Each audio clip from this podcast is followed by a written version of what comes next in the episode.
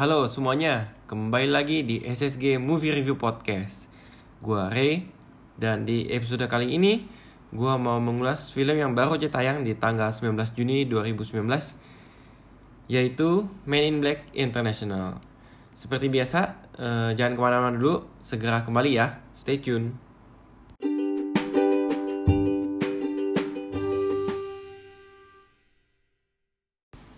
Ya, Men in Black International sudah tayang di bioskop-bioskop kesayangan Anda. Dan film ini eh, kalau kalian lihat di website-website review ya kayak Rotten Tomato, IMDb, nilainya mungkin kurang memuaskan ya di mata kalian para penikmat film-film bioskop angkanya tuh ya kalau di kuliah mungkin hampir di DO kali ya. Ada yang 20-an, ada yang 50. Ya angkanya nggak ini banget lah ya, mengecewakan gitu. Tapi sebenarnya uh, uh, memuaskan uh, sebegitu tidak memuaskannya kah film ini menurut gua nggak juga. Film ini masih tergolong enjoyable tapi ya kita akan kupas satu persatu kenapa film ini dianggap kurang memuaskan para kritikus film ya, bukan penggemarnya. Ya mungkin penggemarnya ada yang kecewa juga sih termasuk gue. Tapi ya ya udahlah, kita mulai aja. Manimac International atau MIB International. Uh, eh, gue bingung ya kenapa nggak disingkat aja uh, eh, MIBI gitu, MIBI gitu, International. kriuk-kriuk ya, jayus banget gue. Mungkin takutnya kalau misalkan ditulis MIB I gitu nanti dikira MIB 1 gitu. Ini bagian dari uh, barangkali trilogi baru segala macam. Enggak, ini kan spin off gitu ya. Udahlah, nggak usah banyak bacot lah, Ray. Jadi gini, si MIB International itu adalah film spin off dari franchise uh, The Man in Black ya atau Man in Black gitu. Yang dulu udah pernah tayang tuh uh, trilogi uh, eh, MIB yang pertama tahun 1997 kemudian ada MIB yang kedua gitu ya. MIB yang kedua itu di tahun 2002 tuh jadi lima tahun setelahnya. Dan sempat uh, hampir menghilang dari muka bumi gitu. Nunggunya 10 tahun baru tayang yang ketiga di tahun 2012 dan tujuh tahun kemudian barulah spin off Men in Black International ini tayang di bioskop. Gitu. Nah kita mulai dari uh, sinopsis atau cast and crew dulu nih. Cast and crew dulu kali ya biar seru. Jadi di film MIB ini bagi yang belum tahu pemain-pemainnya ada siapa aja sih? Ya ada saudara jauh gua ya. Si Om Chris Hemsworth. Nggak ya gue bercanda doang.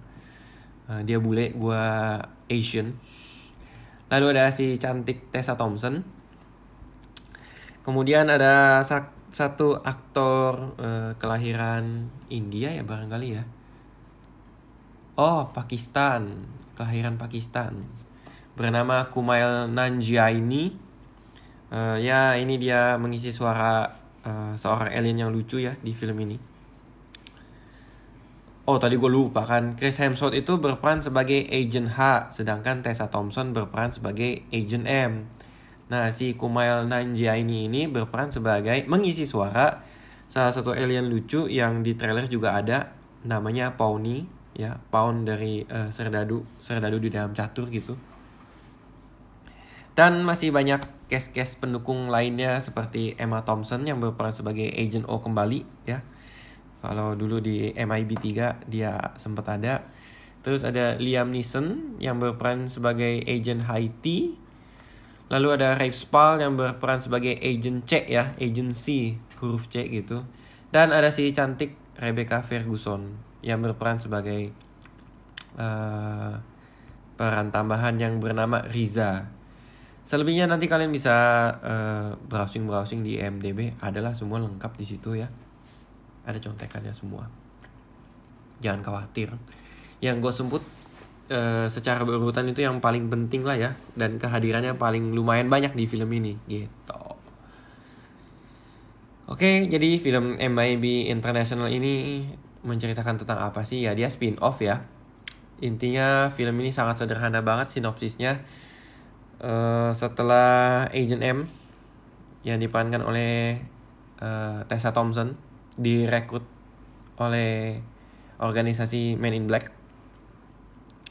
Dia ini masih dalam masa probation ya atau masa percobaan dan ditugaskan uh, untuk membantu cabang divisi London dan berpartner dengan Agent H si Chris Hemsworth ini untuk menelusuri ancaman bahaya yang dapat menghancurkan bumi. Dah, that's it. Itu doang intinya. Ditambah ada rumor bahwa ada mata-mata di dalam organisasi Men in Black London gitu.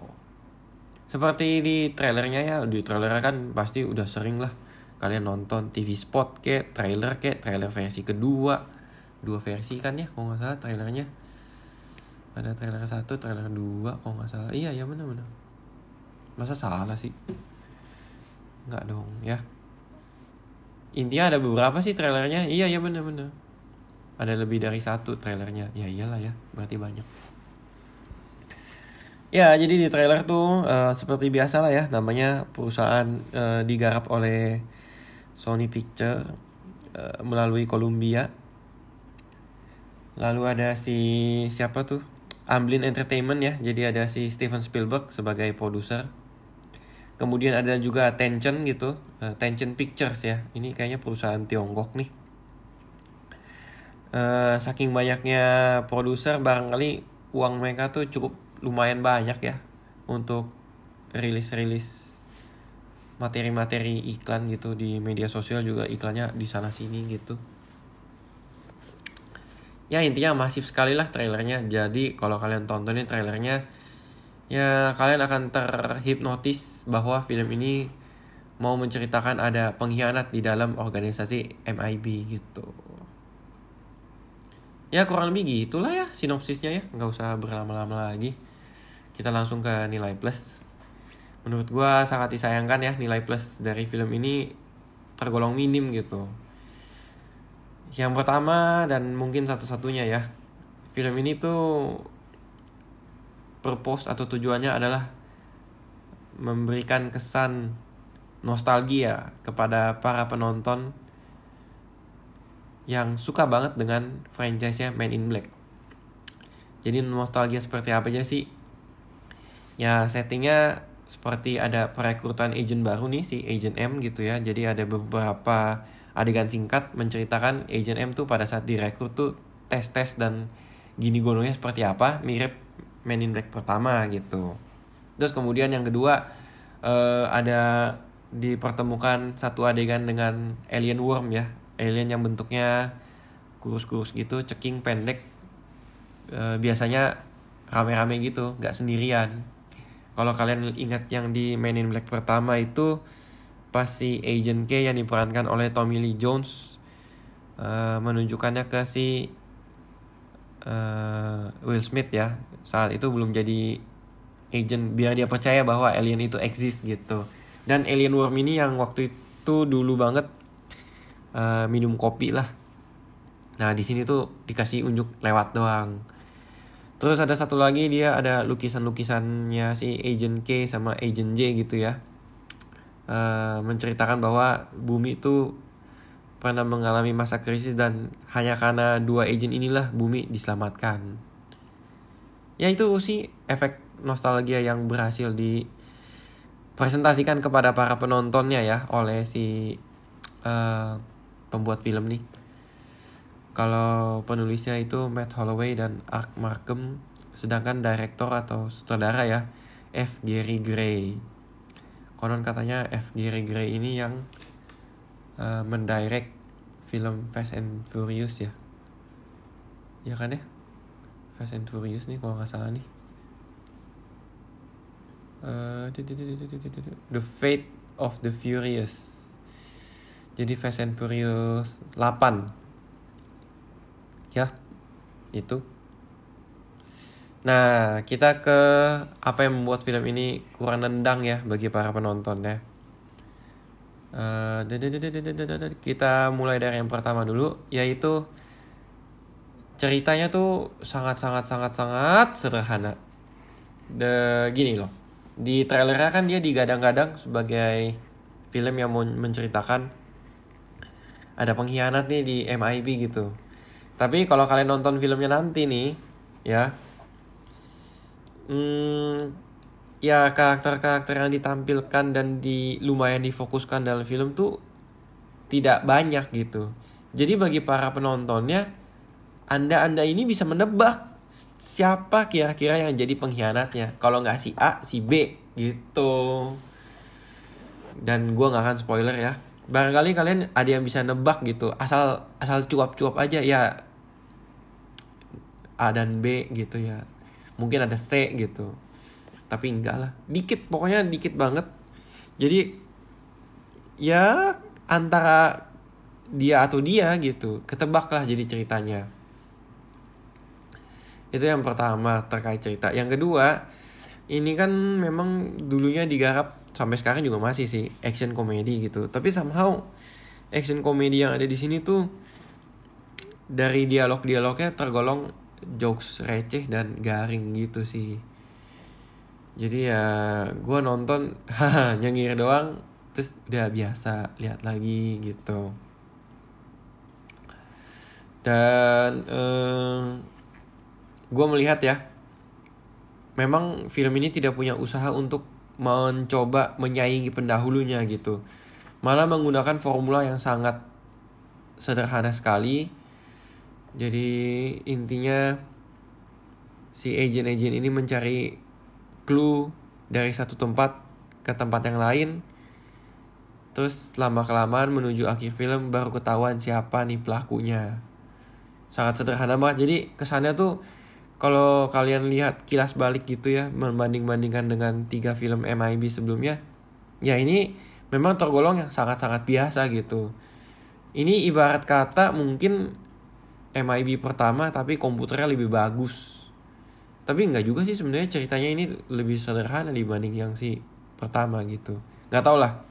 Harusnya kan film semakin ke sini ekspektasi orang semakin meningkat dan mereka harusnya ngepush diri mereka sendiri untuk memperbaiki atau mengimprove atau ya bikin lebih bagus lah gitu filmnya. Nggak cuman efek di mata dan marketing yang bombastis gitu. Jadi orang mau nonton.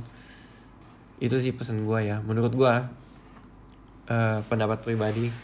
Dan uh, ada beberapa adegan menurut gue gue lihat efek komputernya tuh ya agak kurang rapi aja gitu di beberapa adegan ya. Nggak semua tapi beberapa adegan Terus apalagi kalau musik menurut gue oke okay lah ya nostalgia gitu. Efek apa maksudnya efek lagi. Tim songnya MIB yang sejak pertama konsisten masih dipakai gitu kan. Ya overall oke okay lah film ini. Oke okay, kita lanjut ke fakta menarik atau trivia lah ya mungkin. Kalau kalian perhatiin nanti di awal mungkin uh, sebelum film mulai ini spoiler ini bisa dibilang spoiler bisa enggak sih? Enggak spoiler cerita tapi ini spoiler untuk apa namanya fun fact gitu ya. Uh, ini kan Sony nih. Sony biasa kan uh, Columbia Picture ya. Di Columbia Picture itu kan ada sesosok wanita cantik memegang obor gitu. Yang obornya nyala. Nah ini tuh karena film MIB ya dia iseng-iseng aja gitu. Obornya tuh seakan-akan alat yang khas dari MIB yaitu neuralizer ya. Atau den de neuro aduh susah nih bacanya. De neu neuralizer. Alat yang buat bikin lupa ingatan ya. Oke okay, sip. Nah jadi yang si Columbia Pic patungnya Columbia Picture ini nih obornya tuh nyala kayak alat yang buat bikin hilang ingatan gitu. Tapi sebelum nyala dia pakai kacamata hitam dulu gitu. Lucu-lucuan aja. Dan seingat gue tuh kalau nggak di Men in Black satu enggak enggak. Men in Black satu ketuaan. Kalau nggak di Men in Black 2 Men in Black 3 ya openingnya ada Columbia Picture tuh ya gitu. Uh, bedanya kalau yang jadul tuh dia belum pakai kacamata hitam aja. Nanti lu bisa cek aja sih. Gue juga iseng-iseng cek lah nanti ya. Itu trivia yang pertama yang kedua uh, eh, gue inget nih kredit. Itu kan kalau yang tadi kan Columbia ya.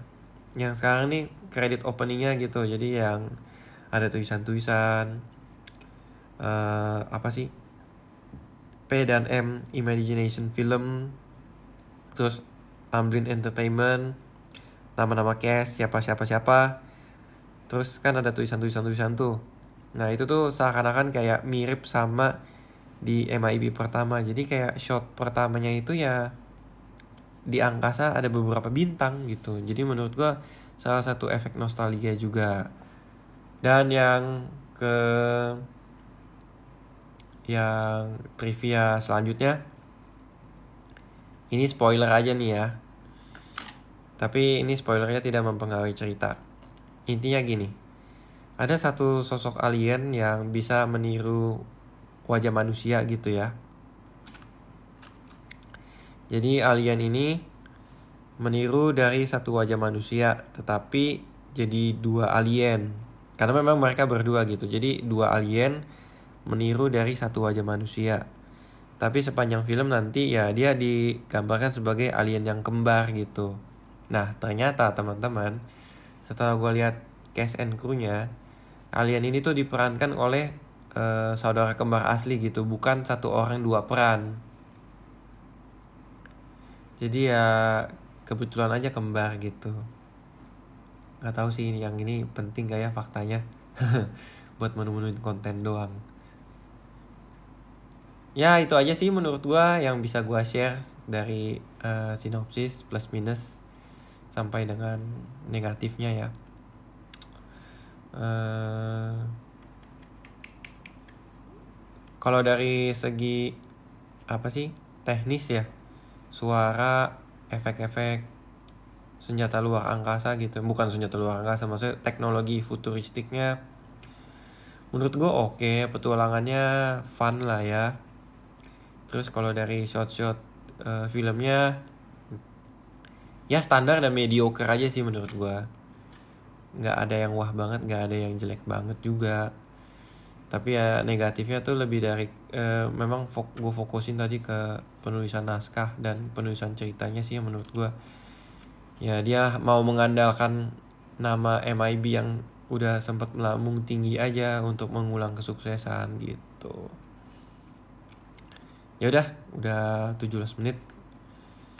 Uh, kita sebelum menutup ulasan ini seperti biasa gue mau membagikan moral yang gue pelajari dari film ini. Intinya oh kan lupa kan. Gue mau tambahin satu deh uh, terkait dengan nilai plus ya. Ini bonus nih. Sorry jadi keulang.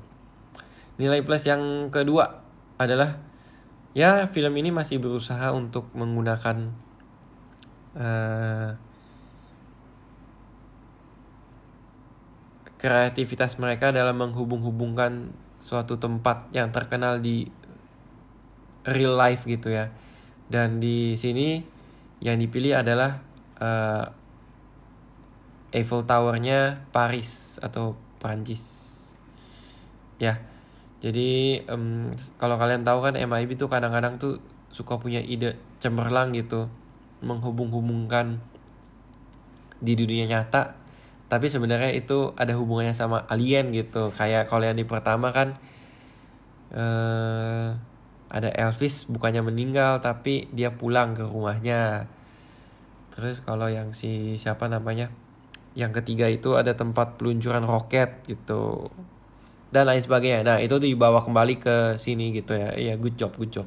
Jadi ada satu dua hal. Terus juga dia tuh kayak uh, sempet ngeledek-ngeledek uh, film drama yang pernah tayang gitu ya. Gua nggak akan sebut karena menurut gua nggak terlalu ini banget juga tapi ya fun aja sih itu. Ada referensi terkait dengan apa yang terjadi di dunia nyata gitu. Oke. Sorry gue balikin ke moral moral yang gue pelajari dari film ini antara lain hanya satu sih ya dalam petualangan si agent H dan agent M termasuk nanti ya petualangan kita dalam hidup. Kadang tuh kita harus percaya dengan naluri kita sendiri gitu. Kita harus percaya dengan naluri diri sendiri untuk mengambil sebuah tindakan yang uh, di mana kita harus bertindak cepat. Ya. Ya sekian dari gue uh, apakah film ini recommended untuk ditonton di akhir pekan minggu ini? Bisa jadi. Bisa jadi juga tidak. Tapi gue kembalikan kepada kalian yang mau menonton film ini. Karena nanti di tanggal 21 nih teman-teman ada Toy Story 4 gitu. Jadi ya who knows ya. Tapi gue nggak jelek-jelekin film ini amat kok. Menurut gue masih oke okay dan enjoyable. Oke okay? that's it dari gue ini udah uh udah pagi ternyata ya. Saatnya gue tidur karena gue besok masih harus menjadi uh, karyawan kantor biasa gitu ya udah sekian dari gue gue Ray pamit undur diri dulu. Sampai jumpa di episode berikutnya. Dadah